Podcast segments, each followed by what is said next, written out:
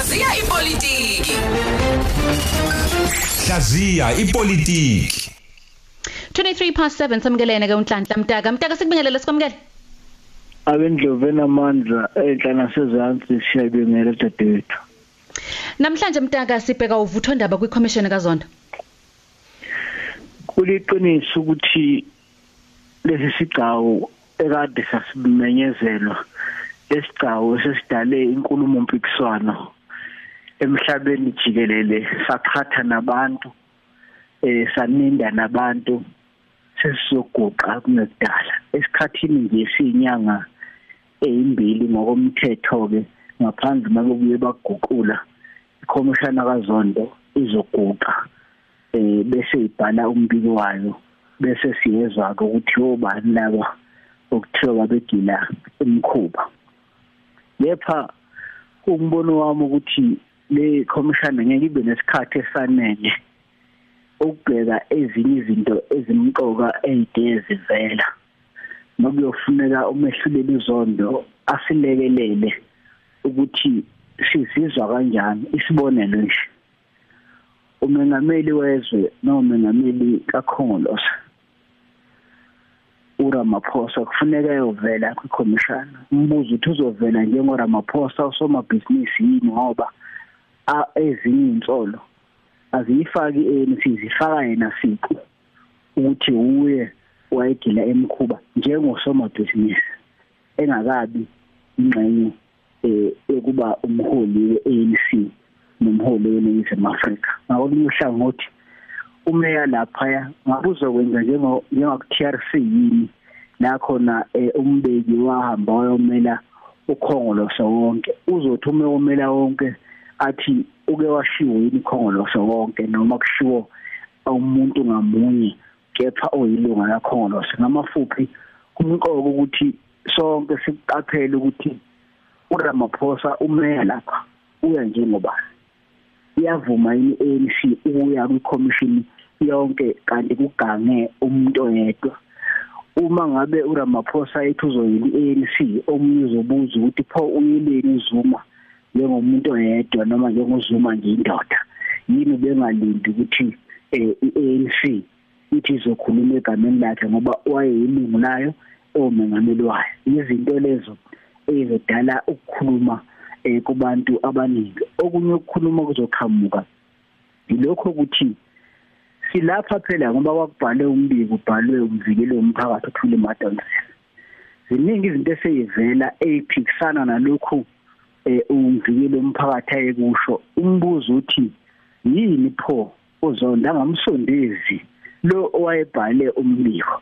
Ukuthi nawo phela umbiko wakho kushiwo isibonela ukulumzana uBrian Molese esethulweni sakhe uveze okuphikisanayo nalokhu okushiwo umvikelo womphakathi. Sizolixosha imithuba lapho umvikelo womphakathi naye ezohlala esitikini ebuzwa ukuthi ukwenze kanjani lokhu kwaphikisana kanjani ngamafuphi ithi umbuzo uzovela noma abanye kungenzeka babaye enkantolo noma bakubuze noma babhayile ikhomishani ukuthi bayacela ukuthi umvikelo womphakathi azovikela umqulu wakhe ngoba uma kucommission phela kukho kuthiwa akuphenywa kungaphenywa naye ukuthi wayekuthole kanjani lokhu ngoba obunye ubufakazi kuze kuzelana nje kungenxa yakhe. Okwesithathu uma sihlele uzondo kuzofuneka siphendule uma sebhala. Uzokhumbula ukuthi lo mndeni wamandiya wagupta wake waphakamisa ukuthi noma usekubhaceni eh kokubaleka nje ubalekela ukuboshwa nje uyimisela ukuthi ufakaze ukuze ulekelela iCommission kodwa uzokwenza lokho eh ngobuchwepheshe. Ula usukhona kwanqatshwa kwathiwa cha wonke umuntu ufunekezela manje bonke abantu sebethi abakwazi ukuya eCommission ngenxa yokuvete bangakwenza ngobuchwepheshe avume nozondo empeleni mengase njengoba kuvaliwe nje kuthiwa kunomuntu ogulayo lapha eCommission angasaphoqele kuzondo ukuthi njengoba yenza nenkantolo emthethosisekelo le commission iyosebenzisa ubuchwepheshe. Umbuzo uthi ngeke yini umehlulile abuya ababuyise lapha kwagupta abuze ukuthi eh bangavuma basebengavuma yini ukuthi beze bazokhuluma ngobuchwepheshe? Ngoba okubalekile ngiyaqonda ukuthi kungani wayethabezela kodwa kubalekile ukuthi kufanele sithole iqiniso. Uma bethi abakwagupta bangakwenza lokho yini banganiki ithuba njengoba nabanye benika ithuba lokukhuluma ngobuchwepheshe bethula izithulo zabo? Okugcina mahlelo uzondo nekhomishana yakhe kuzofuneka silekelele ekuqhamukeni nomthetho ngoba iqiniso lithi lento yokuthi kunombuso ogwamandile akekho umuntu oyoboshelwa lokho ngoba yikho leyo nto emthethweni. Awukho umthetho othi ukugwamanda kombuso eNingizimu Afrika. Kuzofuneka silekeleleke ngoba njengoba isho negama lekhomishana yakhe lithi ikhomishana ezophenya izinsolo zokugwamanda kombuso. Ayiphi ayisho ukuthi kune kunokugwamanda kombuso. Kuzofuneka ke bese sihlanganisele umbiko asilekelele njengezakhamizi alekelele ngisho abameli ukuthi bazothi silwanisini lesi noma icala lini leli elingabekwa abantu. Yiko ngithi ke sekuvuthwa indaba manje sekuyikithi njengezakhamizi ukuthi siqaphele ukuthi kuthiwane ngoba konke okuzokwenzeka kuyoba nomthelela eh, eningizimu Afrika nasezulwaneni ezizayo Mntaka kulomzuzu owodwa nje osele mhlawumbe uma sithi iyaguqa ikhomishana kazonto kulenyanga ezayo eh omunye umuntu angayibuza ukuthi bese kuthini ke emva kwalokho? Silindeleni? Ngoba mhlawumbe omunye angayitshela ukuthi khona bazothweswa amacala omunye angayitshela ukuthi khona bazoshushiswa omunye angayitshela nje okuningi. Ngempela ngempela ngempela uma isiguqile ke sekuhlanganiswe yonke imibiko ke nako konke nako konke abakutholile kubona ubufakazi obulethwa abantu abahlukahlukene kuzobe sekuthini emva kwalokho?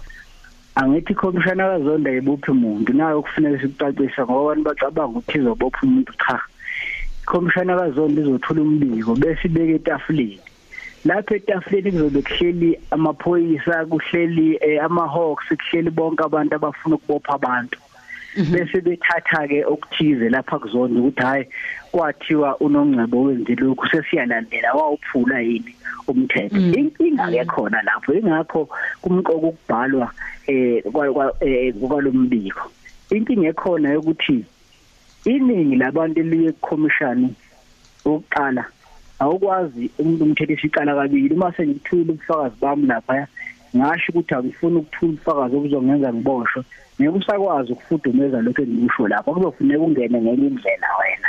Eh, ehlukile kunale lapha ube nokuhlakani njengommeli yiko ngithi kuyoba umqoka ukubhala kwayo. Ingakho abantu abaningi abantu abanjengomunyane laphayana kwaSARS kade bethumele eh, ummeli udala impofu babengayi kolwela ukuthi banenkani mbana babenzele ukuthi umbiko kazondo eh, ubakhulule ungasho ukuthi eh, kabaphenywe ngamafuphi.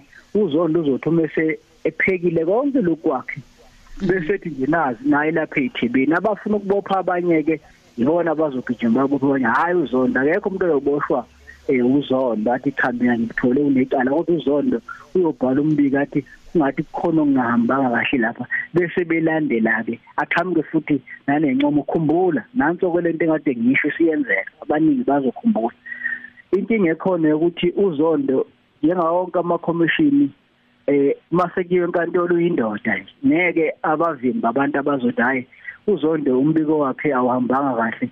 Sicela ukuyisa enkantolo bese iyowuchitha ingawuchitha inkantolo umbiko kazondo umbuzo uthi ke isithunzi ke eh, so sisendoda esibili eh, ngobukhulu eh lapha kubahluleli eningizimu Afrika siyoba kuphi uma sithathwe yayiswa enkantolo nje encane yasihlula okwesibili naba ozakwabe uzondo sebemphoxile yabona njengoba e-constitutional court nje bayothi ujahile ufuna namhlanje kuvela uzuma eh, eh, inkantolo ayinqume lokho. Inkantolo ayikakukhulumi ukukhuluma lokho itshengisa kona ukuthi ayijahile yona sekuyaqala kuyabonakala ukuthi kungenzeka ukuthi eh inkantolo lenomthetho sisekelo namajaji awamthathi phela njengo deputy judge imthatha njengendoda nje eze necala njengabo bonke abantu. Iyo ngithi use usezofuneka athunge izinto eziningana emahlelo zondo ezidabukayo ezinye idabuka ngenxa yomthetho ezinye ingoba eh, laba abafuneke babizwe badlala nje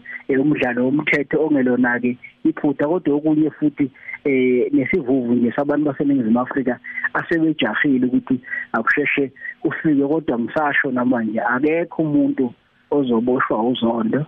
Okwesibili uzondo kufuneka athi mesebhala asitshene nathi futhi siphikise njengomphakathi nezinkantolo umethi ikhona into ekuthiwa ukugomanda kwamandla ombuso ngoba njengoba ngisho nje akekho umuntu osejele nozoba sejele ngoba kuthiwa wena iqala ukugomanda manje alikho ngisho emabhukwini lelo gama. Lathi qhamuka nje namamelikana ayizifundiswa athi ngento ekuthiwa state capture alikho ngisho emabhukwini omthetho. Kuzofuneka achwepheshe uzondo njengommeli ukuthi ulibiza ngani noma lelo cala liyobizwa ngani kodwa kakhulukazi laba abazofuna ke ukubopha abanye yibona okuzofuneka nabo babone ukuthi bachwephesha kanjani? Ngoba ingagoloza ngisho senkantolo ekuthiwe ihle imali ngoba egwamanda umbuso ithi ikala limlelo tube nathi kona umsakazo khosi siyabonga kakhulu. Ethi Nhlanhla Mtaka baye ku Twitter bayede news ku Facebook ukwazi ukuthi umlandeleke kulawo makhasi ke uNhlanhla Mtaka.